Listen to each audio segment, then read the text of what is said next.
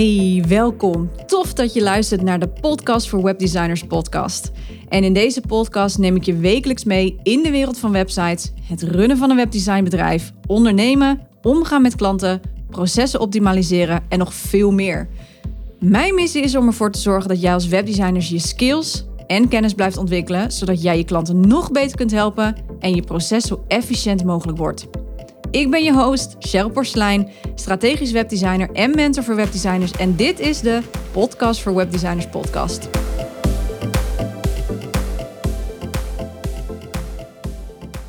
Hey, welkom bij een gloednieuwe aflevering van de Podcast voor Webdesigners podcast. En vandaag beantwoord ik een vraag die ik van een webdesigner een tijdje geleden heb gekregen. En ik geef altijd graag even een kleine disclaimer aan dit soort afleveringen vooraf. Eén is, ik noem nooit namen. Uh, vanuit respect en wegens privacy, of course. En dus ook de persoon die de vraag heeft ingestuurd, die houd ik anoniem of ik gebruik een fake naam. En twee, alles wat ik vertel, vertel ik vanuit mijn eigen ervaring. Hoe ik het toenertijd heb opgelost, of hoe ik er nu naar kijk, of hè, wat ik geleerd heb in de afgelopen jaren. En wat ik belangrijk vind, is dat je zelf uiteraard gaat bekijken en voelen of het resoneert. Of dat je denkt, hé, hey, dat had ik anders gedaan. Dat mag, graag zelfs. Maar soms is het echt wel heel erg prettig om een ander perspectief te horen. En dus deel ik vandaag mijn kant met jou. Vandaag uh, beantwoord ik uh, de vraag: hoe stel je grenzen? Uh, en met name hoe je grenzen kunt stellen tegenover klanten. Ik zet het even in context voor je. Ik zal even de vraag voorlezen die ze heeft ingesteld. En dat is: regelmatig heb ik klanten gehad die vooraf duidelijk hadden wat ze voor ogen hadden. Maar gaandeweg werd de opdracht uitgesteld. Had de website geen prioriteit? Kon ik toch wel even dit nog wat gratis doen? Ik merk dat ik daar altijd grote moeite mee blijf houden. En het waren ook niet altijd mijn ideale klanten, waar marketinggoeroes zo over praten. Al is de situatie dan vaak niet zo ideaal, de projecten vind ik vaak wel gewoon leuk. Ik merk en hoor vaker uit de creatieve branche dat freelancers hier tegenaan lopen. Nou, dit is een onderwerp wat ik regelmatig ook met mijn mentees, maar wat ik heel vaak terug hoor komen. Want ja, klanten kunnen echt goed over je grenzen heen gaan. En soms geef je ze de vinger en pakken ze je hele hand, soms zelfs je hele arm. Um, misschien herken je dat wel en elke keer voel je je daardoor weer rot. Nou, dat is natuurlijk niet helemaal de bedoeling. Dus daar gaan we hopelijk uh, wat aan doen vandaag. Of tenminste, daar wil ik in ieder geval mijn visie uh, uh, over delen met je ja, we zitten nu allemaal in een dienstverlenend beroep. we willen heel graag mensen helpen. Daar zijn we een onderneming voor gestart. Althans, ik natuurlijk wel. En ik hoop natuurlijk jij ook. Hè. Wij zijn webdesigners. Webdesigners zijn dienstverlenend beroep. Dus wij willen heel graag mensen helpen. Het nadeel soms van dienstverlenend zijn is dat je heel graag die extra mile wilt geven aan je klanten. Om bijvoorbeeld goedkeuring te krijgen, uh, erkenning, aardig gevonden te worden. Je wilt meer klanten, dus doe je er ook alles aan om het je klant naar, naar de zin te maken. En dat snap ik, want overdeliveren geeft een heel goed gevoel. Bij jou, maar ook bij je klant. En ik doe dat nog steeds. Dat overdeliveren, ik doe dat heel erg graag. En dat betekent dat ik ook graag net even dat stapje extra doe om mijn klant nog beter te kunnen helpen. Dat is ook helemaal niet erg. Want wat je daarmee doet, is dat je je expertise veel beter uit de verf laat komen. Je ziet daardoor dingen, je kunt eigen initiatief nemen. En je zorgt ervoor dat je laat zien van... hé, hey, ik snap wat je nodig hebt van mij. Ehm, ik zie dit en dit. Heb je misschien al wel eens hierover nagedacht? Dus je kan heel erg je expertise daar juist verder op laten inspelen. Wat wel erg is, of nou ja, erg is een groot woord... wat minder handig is dan in dit geval, is om je klant over die grens heen te laten gaan. Dus over jouw grens heen te laten gaan. En je kunt overdeliveren, maar je kunt daarbij grenzen stellen. Dus overdeliveren en grenzen stellen. Maar dat begint wel bij jou. Ondernemen is echt heel veel oefenen. Hè? En even heel plat gezegd, heel veel op je bek gaan. Veel pijnlijke lessen ervaren. En klanten zijn daar echt een enorme grote les van. Zeker in het begin, als je net starter bent, zijn dat soort lessen vaak heel intensief. En die blijven je ook altijd het meest bij.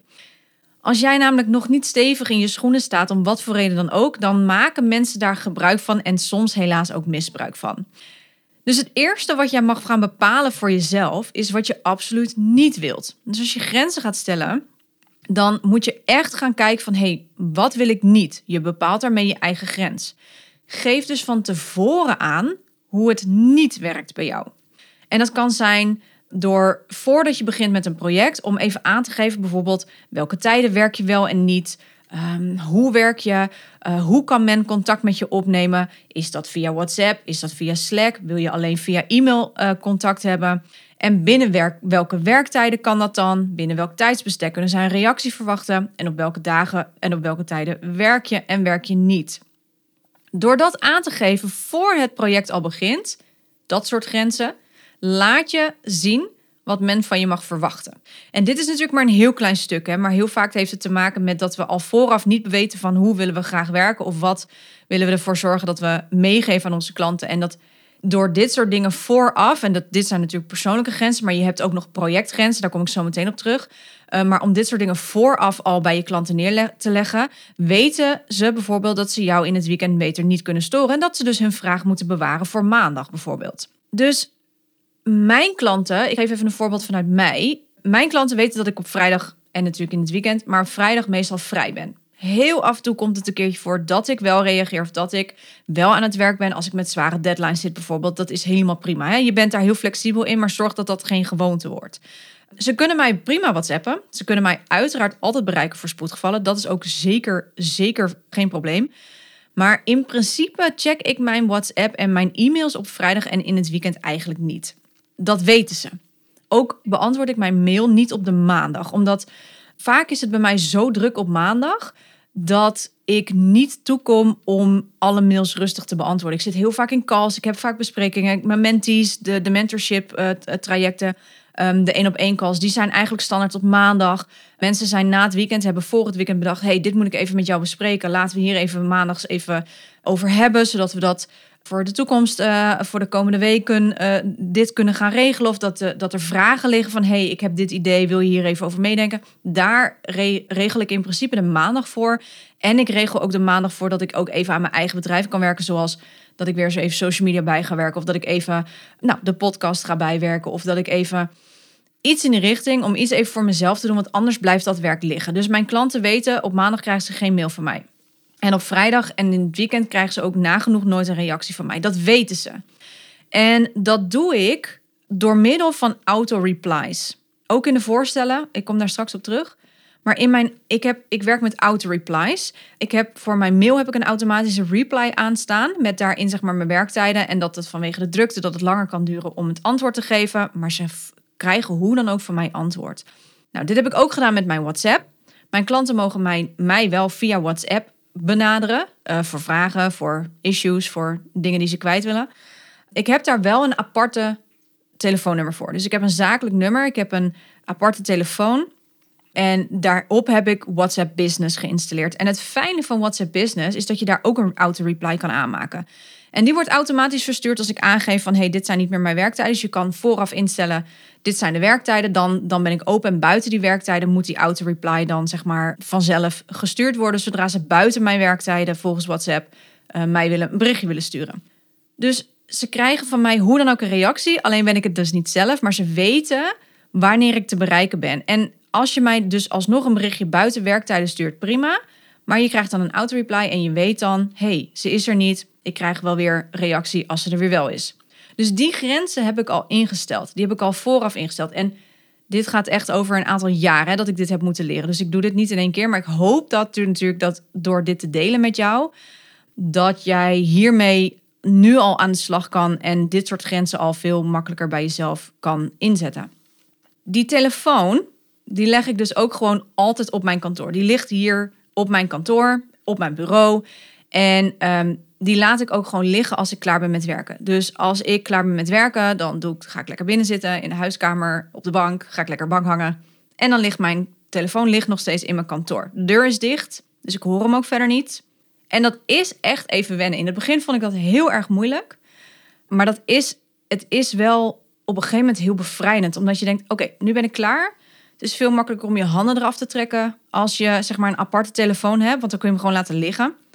En uh, je hoeft ook niet constant alert te zijn op je telefoon als je bijvoorbeeld lekker even een serie zit te kijken s'avonds op de bank. Want dat is helemaal niet nodig. We hoeven niet 24-7 aan te staan. Dat is ook wel iets wat ik de afgelopen jaren heb geleerd. In het begin was ik daar ook, vond ik dat ook heel erg moeilijk. Maar dat is wel iets wat in de loop der maanden, jaren veel makkelijker is geworden omdat je het gaat oefenen. En uh, omdat je je hoofd opnieuw zeg maar gaat wiren om dit stukje los te laten. En je klanten kunnen je nog steeds bereiken, maar dat hoeft niet 24/7. Wat je ook kan doen, stel dat jij bijvoorbeeld niet wil dat klanten via WhatsApp mogen contact opnemen, dan prima. Hè? Er zijn nog andere manieren. Je kan ook zeggen: nee, ik werk alleen via e-mail. Je kan een ticketsysteem aanmaken. Ik ben persoonlijk niet van het ticketsysteem. Ik vind dat heel onpersoonlijk. Dan krijg ik meteen zo'n grote hostingpartij gevoel of een Coolblue of whatever. Dat ik denk van, ik ben maar een nummer. Dus hou daar wel rekening mee. Maar ik ken ook iemand bijvoorbeeld die een Slack-account heeft aangemaakt. Speciaal voor waar hun klanten dan in kunnen. Dan gaan ze met een e-mailadres en dan kunnen ze daar gewoon in. En Slack is ook een soort van ja, een chat tool om het zo maar even te noemen. Je kan daar bestanden in delen. Dus het is ook meteen heel erg makkelijk om bepaalde dingen in te kunnen delen. En wat hij doet is binnen Slack kunnen klanten dus vragen stellen. En wat hij dan doet is dat hij aangeeft binnen een tijdsblok van 24 uur, eenmalig per dag, dus één keer per dag, checkt hij de berichten en geeft hij op dat moment binnen die 24 uur tijdspad antwoord op de vragen die op dat moment binnenkomen of binnen zijn gekomen. Betekent het dus dat na die, dat moment dat hij heeft gecheckt er nog meer vragen binnenkomen, gaan die mee in de volgende 24 uur. Dus stel hij doet iedere ochtend om 10 uur checkt hij zijn Slack-account. Dan doet hij bijvoorbeeld van 10 tot 11 gaat hij de, de berichten checken die binnen zijn gekomen van zijn klanten in Slack. Vervolgens gaat Slack uit. En alles wat daarna komt, gaat pas weer de volgende dag om 10 uur weer beantwoord worden. Dus ook dat is een oplossing om je grenzen te stellen op die manier met contact hebben met klanten. Daar is natuurlijk een hele eigen weg in te vinden, dus kijk ook vooral voor jezelf wat je daarin fijn vindt. Mm, ja, wat kun je nog meer doen? Er zijn heel veel dingen die je nog kan doen, maar wat het belangrijkste is, is dat je vooraf, hè, voordat je gaat starten met een project, dus altijd voordat je gaat starten met een project, dat je daar heel duidelijk in bent van, hey, dit is hoe ik wel werk, dit is hoe ik niet werk en dit is waar je me kan vinden en dit is wat we hebben afgesproken. Dan heb je ook nog klanten, wat deze persoon ook heel erg mooi had ingebracht, is die denken dat je het wel even tussendoor doet. Of dat je het even gratis doet, want je was er toch al mee bezig en dat kan toch nog wel even en et cetera. Dit is echt een stukje heel veel nee zeggen. Als dit niet goed voelt of het klopt niet, zeg dan alsjeblieft nee. En natuurlijk vinden we nee zeggen heel erg moeilijk en we voelen ons daar vaak heel erg schuldig over. Maar own dat schuldgevoel. Dat heb ik laatst gehoord tijdens een tweedaagse van een mastermind waar ik in zat, waar we een hele familieopstelling tweedaags hebben gehad. Deze mevrouw die de groep begeleidde, die zei daar heel mooi over: own je schuldgevoel. Ga in dat schuldgevoel zitten, maar zeg nee. En ik vond dat zo'n mooie opmerking dat ik dacht: oh, die moet ik even, want die past heel erg bij het grenzen stellen own je schuldgevoel. Dus ga maar in dat schuldgevoel zitten, ga het maar voelen. Maar je zal merken dat het op een gegeven moment makkelijker wordt en dat dat schuldgevoel ook langzaam zal weg hebben. Weet je, het wordt vanzelf makkelijker. Jouw tijd is schaars en een klant van jou mag niet verwachten dat jij alles maar laat vallen van een ander om maar even voor hen wat snel te doen. Dat eigenlijk is dat niet niet helemaal de bedoeling. En zeker niet als het om gratis dingen gaat. Tuurlijk is het heel goed om in het begin, als je net start, bijvoorbeeld wel wat dingen gratis te doen. Omdat je dan portfolio kan opbouwen en naam kan opbouwen, et cetera. Ik ben er absoluut niet op tegen. Maar als jij een x aantal jaar al in dit vak zit en je hebt al heel veel ervaring opgedaan, dan zijn dit soort klanten eigenlijk hele grote rode vlaggen. En moet je daar heel erg duidelijk zijn van: hé, hey, maar dit is niet hoe we het hebben afgesproken. Want als we dit soort dingen blijven doen, van oh ja, dat doe ik wel even snel tussendoor, dan krijg je dus dat je ze de vinger geeft en ze pakken je vervolgens je hele arm. Er zijn namelijk klanten die wel netjes betalen en die hebben eigenlijk altijd voorrang op dit soort dingen. Dus wees je daar wel van bewust dat de mensen die betalen, dat die ook een andere verwachting hebben. Hè? Dat die voorrang hebben op de mensen waar die denken van oh, dat doe je wel even gratis.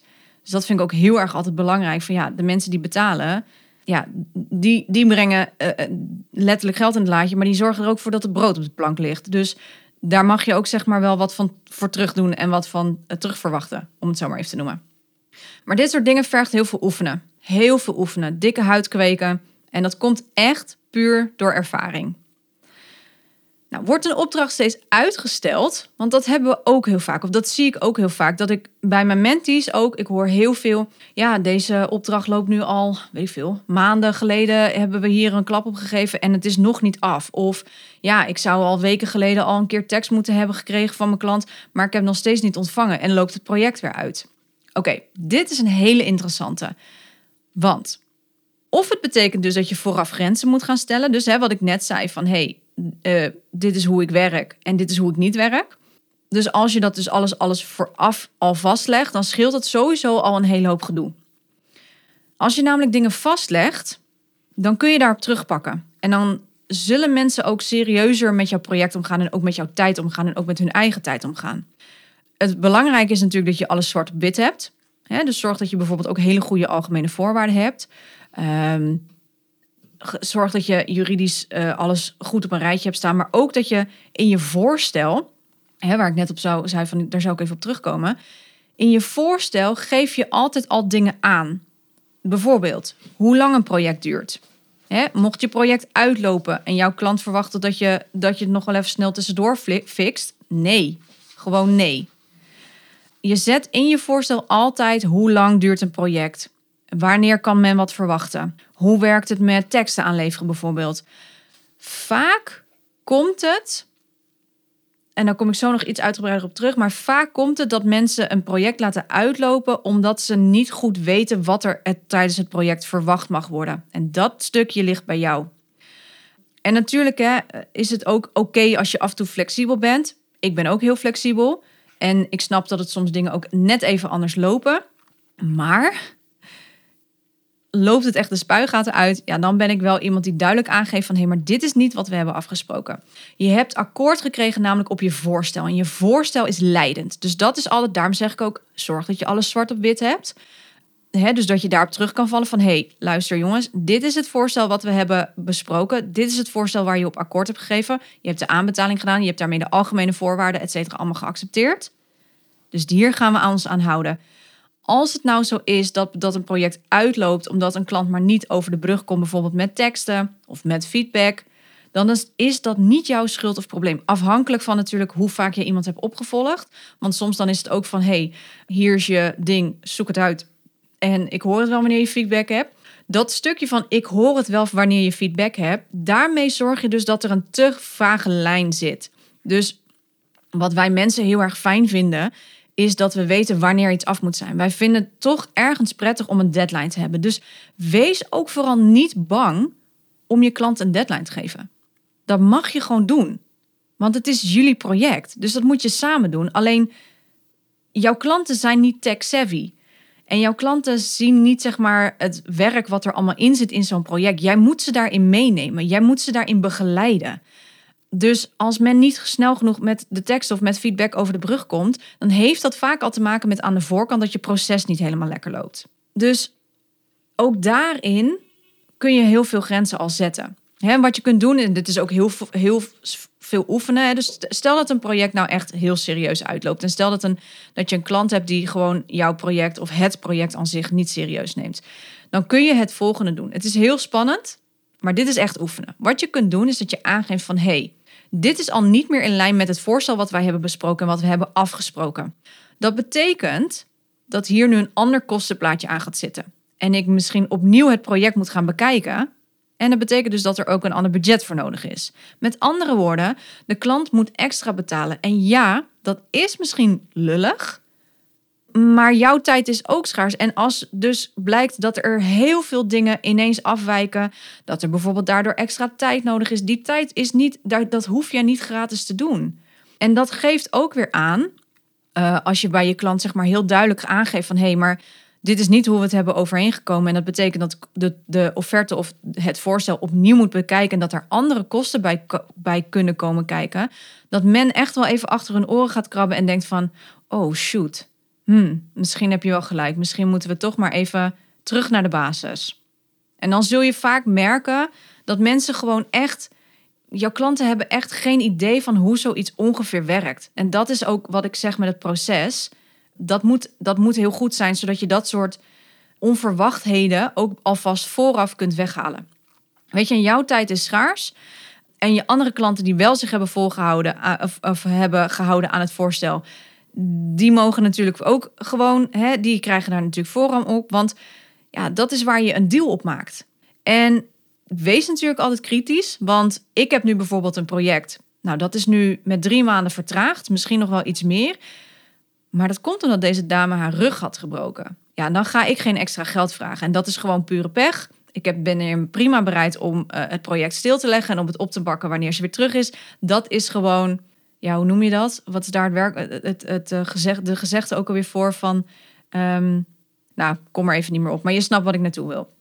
Dus voel ook wel daarin voor even wat je zelf fijn vindt. Maar soms helpt het wel, zeg maar, om die grens te stellen van... hé, hey, maar dit is wat we niet hebben afgesproken. Dus hier moeten we even wat aan gaan doen. Want nu ga je over mijn grenzen heen. En daar ben ik niet van gediend. En dat hoef je niet zo lullig te zeggen zoals ik het nu natuurlijk niet nu doe. Maar je mag het best wel aankaarten. Want als dit namelijk een structureel probleem is en je merkt van hé, hey, dit komt vaak terug, hè, dus als je merkt dat het bij meerdere klanten terugkomt, dan zijn er een aantal dingen die je misschien ook bij jezelf even onder de loep mag nemen. Het kan zijn dat je algemene voorwaarden bijvoorbeeld niet duidelijk genoeg zijn. He, dus dan weten mensen ook niet zo goed van hey, wat, waar, uh, waar heb ik recht op? Of kan ik een project zomaar stoppen? Of whatsoever mijn advies is dan echt om ga een jurist vragen en um, ga daarmee aan de slag. Zorg ervoor dat je juridisch alles goed op orde hebt, want dan kun je overal weer op terugvallen. Dus stel dat je een lastige klant hebt en je hebt een goede algemene voorwaarden, dan kun je gewoon aangeven: ja, maar luister, je hebt de algemene voorwaarden gecheckt, geaccepteerd bij betaling en, en bij het voorstel. Ja, we moeten dus nu samen overeen gaan komen om dit project of tot een goed eind te brengen. Of het betekent dat je wel moet betalen, maar dat we bij deze gaan afscheiden. Dus er zijn daar heel veel natuurlijk mogelijkheden in. Ik ga ervan uit dat je hopelijk niet zo'n klant hebt waar dat bij gaat gebeuren. Maar dek jezelf altijd in. Het tweede wat je misschien onder de loep mag nemen is dat je je grenzen dus vooraf duidelijk neerzet. dus wees vooraf duidelijk. Niet tijdens het traject, echt vooraf. Stel bepaalde verwachtingen. Laat zien dat je heel goed weet wat er voor dit project nodig is en wat je dus ook van je klant verwacht. Dus je mag echt deadlines gaan stellen bij je klant. Je mag echt gaan aangeven van hé, hey, maar dit is wat ik van jou verwacht om het project tot een goed eind te brengen. Wat je daarmee namelijk doet, door te zeggen van hé, hey, dit is wat ik van jou vraag, is dat je iemand erbij betrekt. En dat vinden mensen ook altijd heel erg leuk. Die vinden het leuk om het samen te doen. En vaak heeft dat te maken met dat zij dus inderdaad, wat ik al zei, dat ze niet snappen hoe zoiets in zijn werk gaat. Websites besteden ze niet voor niets uit. Ze gaan ervan uit dat jij die expertise hebt om hen te begeleiden in dat proces. En als jij dus ook maar een soort van achterover gaat hangen en denkt van nou ja, ze komt vanzelf wel, ik ga er niet achteraan met mijn teksten en ik ga niet opvolgen, bla bla, dan zal iemand dat ook niet bij jou gaan neerleggen. Want het blijft te vrijblijvend. En wat ik net al zei, we hebben gewoon deadlines nodig. En door mutual uh, expectations, zeg maar, vast te leggen, begrijpt een klant ook dat jij hier de expert in bent en dat jij weet wat, ze van hun, wat jij van hen nodig hebt. Dus daarin is het ook heel erg belangrijk. En dat kom ik, daar kom ik ook meteen bij, bij mijn derde punt. Het kan daardoor dus ook te maken hebben met jouw proces. En daar zou ik dus even op terugkomen. En het proces heeft alles te maken met hoe jij werkt. De klant en jij, als je niet goed weet wanneer je iets gaat opleveren, of wat je precies gaat opleveren, wat de planning is, wanneer verwacht jij iets aangeleverd te hebben, dan zal een klant daar ook niet zeg maar serieus mee bezig zijn. Je proces heeft namelijk heel veel invloed op en je klant, want die heeft houvast nodig. Ja, wat ik net al zei, ik blijf hem herhalen. Jouw klant heeft echt nul verstand van dit proces. Die snapt helemaal niks van websites. Dat is de reden waarom ze het uitbesteden. Ze zijn niet tech-savvy. En ja, ze, vragen jou om ze daarin te begeleiden. Althans, hey, dit is wat ik natuurlijk deze afgelopen twaalf jaar heel erg heb geleerd. Wat ik altijd terugkrijg van mijn klanten waar ik een website voor maak, is dat ze echt zeggen: Ja, ik weet het allemaal niet. Zeg jij maar wat je van mij nodig hebt. Ik krijg ook heel vaak de vraag: Heb je nog iets van me nodig? Ze willen erbij betrokken worden, maar ze willen wel zien waar ze in het proces zitten. En dat moet jij voor hen bepalen. Dus zorg ervoor ook dat je je proces optimaliseert. Hè? Dat je precies weet van hé, hey, voor deze fase of hier, hier heb ik dit nodig, dit en dit hebben we dan nodig en dat en dat hebben we dan nodig. Dan kunnen mensen daar namelijk ruimte voor maken, je klanten, in hun agenda's. En dan wordt het een mutual process. En dan wordt het een heel interessant en leuk project. Want dan krijg je van twee kanten en voelt het als een samenwerking in plaats van dat jij ja, erboven of beneden staat, om het zo maar even plat te slaan dat proces optimaliseren, dat is iets wat je kunt leren. En als je dat wilt, dan is mijn mentorship eh, voor jou eh, als voor webdesigners heel erg geschikt. Eh, daar kom ik misschien nog wel later op terug in een andere podcast. Maar even een klein voorbeeld hiervan. Een van de dingen die ik je leer is bijvoorbeeld het werken in fases. Het werken in fases. En in die fases bepaal je dus al wat er gaat komen, maar ook wat je nodig hebt om bijvoorbeeld een volgende fase in te gaan. Zo geef ik zeg maar altijd aan bij mijn klanten: hey, een project kan niet eerder starten. Ik kan niet eerder designen voordat ik jouw teksten binnen heb. Dus als jij wil dat die website, want ik regel altijd een complete planning. Ik weet, mijn projecten duren 10 tot 12 weken, afhankelijk van de grootte van de website. Soms duurt het langer, soms duurt het korter. Hebben ze mazzel. Ehm, maar ik geef altijd aan, ik kan niet de designfase in als ik geen teksten heb. Dus dat betekent dat als jij, hè, dus mijn klant, als jij wilt dat jouw website dan en dan live gaat, dan heb ik van jou die commitment nodig om die teksten voor die tijd, voor deze deadline, hè, want ik maak echt een deadline, om die dan te hebben. Heb ik die niet, dat betekent dat we de einddeadline ook niet gaan halen, maar dat betekent ook dat ik je moet gaan opschuiven in mijn planning. En dat mensen die wel uh, hun teksten eerder aanleveren, dat die dus voorrang krijgen. En dat kan dus betekenen dat er extra kosten bij komen, omdat ik dus meer tijd moet reserveren. Maar dat kan dus ook betekenen dat jouw project dus gewoon heel erg veel uitloopt. Prima, maar ik ben dan niet de verantwoordelijke daarvoor. Het klinkt heel hard dat ik dit zeg, maar dit is hoe je grenzen stelt. Dit is hoe je jouw klant kunt begeleiden in dat proces van iets nieuws, iets spannends en iets waar ze geen kaas van hebben gegeten. En jij bent degene die dat mag doen. Daar ben jij de webdesigner voor. Daar ben jij de expert voor waar men voor jou bij komt. Dus je mag die expertise claimen door dit soort dingen, dit soort processen, door aan te geven hoe je wel en niet werkt. Dat mag je opstellen van tevoren. Oké? Wat ook interessant is, even een kleine zijtak, zet ik me nou net te bedenken, is dat het ook nog wel eens te maken kan hebben met investeringen. Ik weet uit ervaring dat hoe lager de investering, dus hoe goedkoper iets is in een dienstverlenende ehm, sector, sorry, hoe gemakzuchtiger vaak het project gaat. Er wordt altijd gezegd: if you pay, you pay attention. En dat heeft alles te maken met mindset. Dus kijk ook even of jij in de goede doelgroep zit. Zo heb ik met mijn mentees ben ik overeengekomen dat een aantal niet in de goede doelgroep zaten. Je kan precies namelijk tussen zo'n doelgroep zitten. Ik heb daar al een eerdere podcastaflevering over gemaakt. Het ging over prijsvraag van, voor als webdesigner. Die zal ik in de show notes zetten. Dan kun je die ook uh, terug beluisteren. Ik weet even niet meer uit mijn hoofd. Ik heb al zoveel afleveringen gemaakt dat ik soms echt niet meer weet hoe en wat. Maar, maar ehm, daar heb ik al een keer eerder over. Oh, dat ging over inderdaad uh, verschillende. in welke range ik qua prijsverhouding zat. ten opzichte van, van verschillende webdesigners. Dus die zou ik zeker even teruglezen. Ik zet hem in de show notes. Of terugluisteren, sorry. Maar je kan dus precies in zo'n tussendoelgroep zitten. En, en, en zo, in, in een tussendoelgroep, dan bedoel ik altijd dat zijn niet de starters, maar dat zijn echt maar ook niet net aan de mensen die net het budget hebben om iets meer te investeren. Dat zijn de mensen die eigenlijk nog een soort ja, wipwap zitten en die net te veel twijfelen om een investering te doen. Dat kan te maken hebben natuurlijk met dat jij nog niet duidelijk bent wat het kan opleveren. Of hoe het proces, ik blijf hem herhalen, hoe het proces eruit ziet. Hè? Dus wat er allemaal in zit, hoe het in zijn werk gaat. Nou ja, en ook dus het resultaat, wat levert ze uiteindelijk op? Krijgen ze die investeringen wel uit? Dat. En het heeft een stukje te maken met mindset. Dus kijk ook even of jij in de goede doelgroep zit. Als je merkt van, hé, hey, de projecten lopen gewoon allemaal niet zo lekker...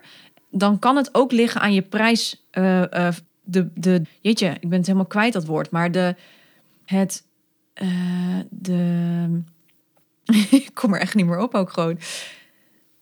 De, nou ja, in ieder geval de, de prijsklasse, ik noem het maar even een klasse, de prijsklasse waar je in zit ten opzichte van andere webdesigners, zeg maar.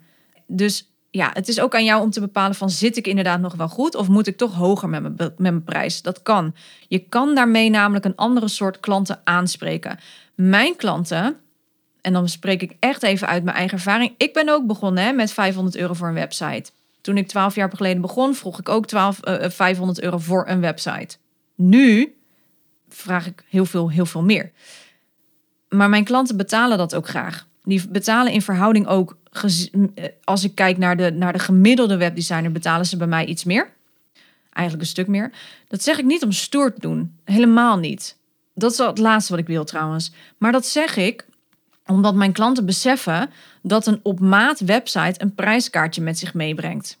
En dat er bij dit prijskaartje een bepaalde expertise zit. ik ben natuurlijk gespecialiseerd in uh, herontwerp. Dus wat is er nu? En wat werkt er nu niet of wat werkte er wel? En hoe gaan we dat verbeteren? Of hoe gaan we dat meer van creëren? En ze weten dat daar een speciale, hè, ik zit op strategische kant. Ze weten dat daar een prijskaartje bij komt, omdat mijn projecten duren 12 weken.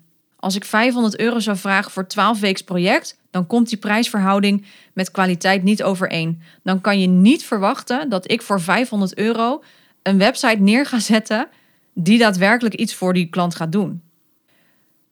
Dus dat is ook voor jou echt om te bepalen: zit ik nog wel in de, in de goede doelgroep? Of betekent het toch dat ik een stapje hoger moet gaan, omdat ik een bepaalde expertise heb en dat ik daardoor een website creëer die daadwerkelijk voor hun werken? En ze weten, mijn klanten weten dat als ze bij mij een nieuwe website laten maken, of een vernieuwde website moet ik erbij zeggen, want ik ben herontwerp gespecialiseerd, dan weten ze van ik ga next level. Dus ik ga er uiteindelijk meer uithalen uit die website dan dat ik nu doe. Want wat er nu gebeurt is dat ze tegen een grens aanlopen en dat die website dus niet meer passend is. Dus er zit een groeistop in. Dus ze weten ook zodra die website straks weer vernieuwd is, kunnen ze verder groeien. En zal die omzet ook uiteindelijk stijgen. En zal, zal de klanten, uh, zullen ze veel meer klanten kunnen binnenhalen, omdat ze dus veel meer ruimte hebben voor die groei. Dus kijk daar ook even naar.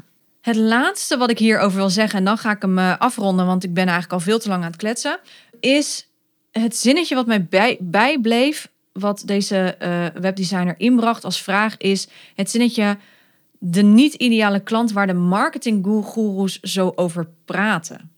Waar je mee moet uitkijken is dat je jezelf niet te veel moet gaan vergelijken met anderen. En ja, ik doe dat uiteraard ook nog wel eens. En dat hoort er ook een klein beetje bij het vergelijken, maar probeer het wel naast je neer te leggen.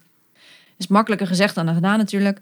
Maar wat namelijk heel veel goeroes vergeten erbij te vertellen, is dat ze zelf ook eerst jaren hebben lopen klootviolen je hoort mij dus wel constant steeds zeggen van... hey, twaalf jaar geleden begon ik ook met een laag budget. Ik heb dit ook allemaal geleerd in de afgelopen twaalf jaar. Het gaat niet... Rome is ook niet in één dag gebouwd. Je moet heel veel uren maken, vlieguren maken... om dit op een gegeven moment onder de knie te krijgen. Het helpt om een mentor te hebben. Het helpt om dit soort processen te leren optimaliseren met iemand. Daardoor uh, groei je sneller... En dan zul je ook merken dat dingen wat sneller, makkelijker gaan. Maar je hebt altijd te maken met een leercurve en met ervaring opdoen. Dus net als met school, school is heel veel theorie. Maar in de praktijk zul je merken dat dingen ineens heel anders lopen als dat je dacht dat het zou gaan. Dus het is naast veel kennis opdoen en naast het hebben van een goede mentor en of eventueel een, een groep om je heen die uh, ook zeg maar in dezelfde situatie zitten helpt het om het gewoon heel veel te doen en om heel veel op je plaat te gaan. Ja, en om heel veel gewoon te oefenen. Hè? Oefenen met nee zeggen, oefenen met grenzen stellen. En ehm, het grappige is, want de klanten die zeg maar het hardst over je grenzen heen gaan, dat zijn vaak de lessen die het hardst binnenkomen. Want dan merk je, chips, dit wil ik echt niet meer. Dit wil ik echt niet meer. Of, het kan ook een hele andere kant op gaan. Als je denkt, nou, deze klant was echt perfection, dan wil je daar meer van. Je weet pas wat er wel en niet werkt als je daadwerkelijk in het veld bent. dus, dus dat je echt daadwerkelijk gaat werken. Maar die, die vervelende klanten, en ik heb er ook zeker meerdere van gehad, ehm, die geven jou de grootste lessen. En dat zijn de lessen die ik dus nu met jou deel. Want ik heb ook een klant gehad toen ik net begon. Ik kwam echt 2016, kwam van het HBO af, helemaal vers nou ja, niet helemaal vers, maar ik bedoel in de zin van dat ik toen fulltime ging ondernemen. En mijn eerste klant was er eentje die meteen, nou ja, dat was niet helemaal, niet officieel, maar die dacht even juridisch tegen me in te gaan. Die had zelf een juridische brief geschreven. Nou, ga ik allemaal niet op details in. Prima, is allemaal uiteindelijk goed gekomen uh, in zekere zin. Maar die, he die heeft me wel heel erg laten nadenken van ja, met wie wil ik nou wel en niet werken? En waar zit mijn grens? Want als ik dit soort klanten nog vaker ga hebben, dan ga ik het niet leuk vinden. Dan, dan stop ik er liever mee, zeg maar. Want kijk, tuurlijk zijn de projecten zelf misschien leuk, maar je hebt altijd te maken met mensen.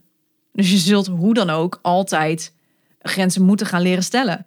En dus die, die klanten die het hardst proberen over je heen te lopen, dat zijn de lessen die je het meest bijblijven. Maar daar leer je ook het meeste van. Want dit was echt een les voor mij ja, sindsdien ben ik echt enorm gegroeid. Maar ja, dat deed wel heel erg zeer. En ik heb echt serieus een week lang gehuild en uh, wakker gelegen van de stress. Hè, over dat, hoe het is gegaan en, en, en, en in welke, uh, welke situatie ik zat. Maar dat heeft me heel sterk gemaakt. En daardoor heeft mijn uh, huid zeg maar een extra laag gekregen. En die krijgt die steeds meer.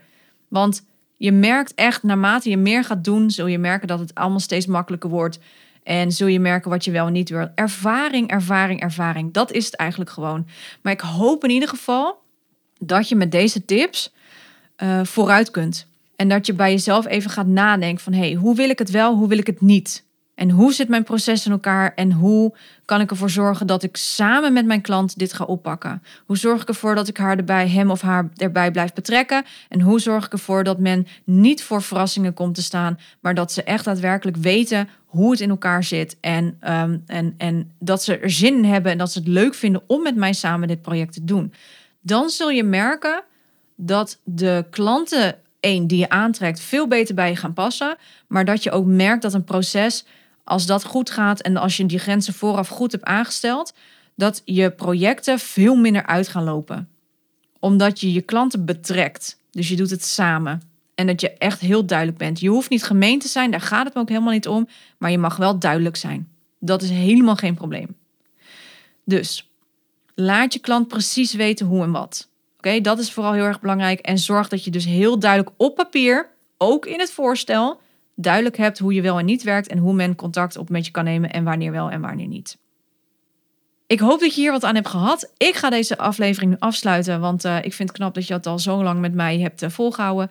Ik hoop echt oprecht dat je hiermee verder kan, dat je vragen hiermee zijn beantwoord. Heb jij nou zelf een vraag? Laat het me weten, want ik vind het altijd heel erg tof om dit soort dingen, dit soort vragen te kunnen beantwoorden. Omdat voor mij is het heel erg logisch allemaal, maar ik weet dat misschien jij tegen hele andere dingen aanloopt. En door een vraag te stellen aan mij, kan ik daarop reageren? En dat is voor mij een stuk soms makkelijker om ja, daar veel meer gerichter advies op te kunnen geven. Wat ik natuurlijk ook heel erg leuk vind. Dus als je een vraag hebt, let me know.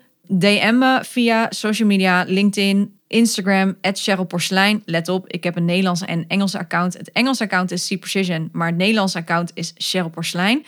Um, ik heb de link van mijn Nederlands account in de show notes gezet. Dus dan kun je daar gewoon op klikken. Dan hoef je niet uh, mij uh, moeilijk te gaan zoeken. Want mijn naam spellen is, uh, is best een dingetje soms. Dus haak me vooral aan. Loop je ergens tegenaan? Laat het me weten. Ik sta heel erg graag klaar voor je om in deze podcast jouw vraag te beantwoorden. Alright, nogmaals, ik hoop dat je hier wat aan hebt gehad. Ik wens je een hele fijne dag en tot de volgende aflevering. Ciao, doei! Thanks for listening. Wil jij je skills verder uitbreiden of verdiepen, je processen optimaliseren en simpel en effectief willen leren werken? Dan is het mentorship voor webdesigners perfect voor jou. In dit zes maanden durende één op één traject krijg je een volledig kijkje bij mij in de keuken.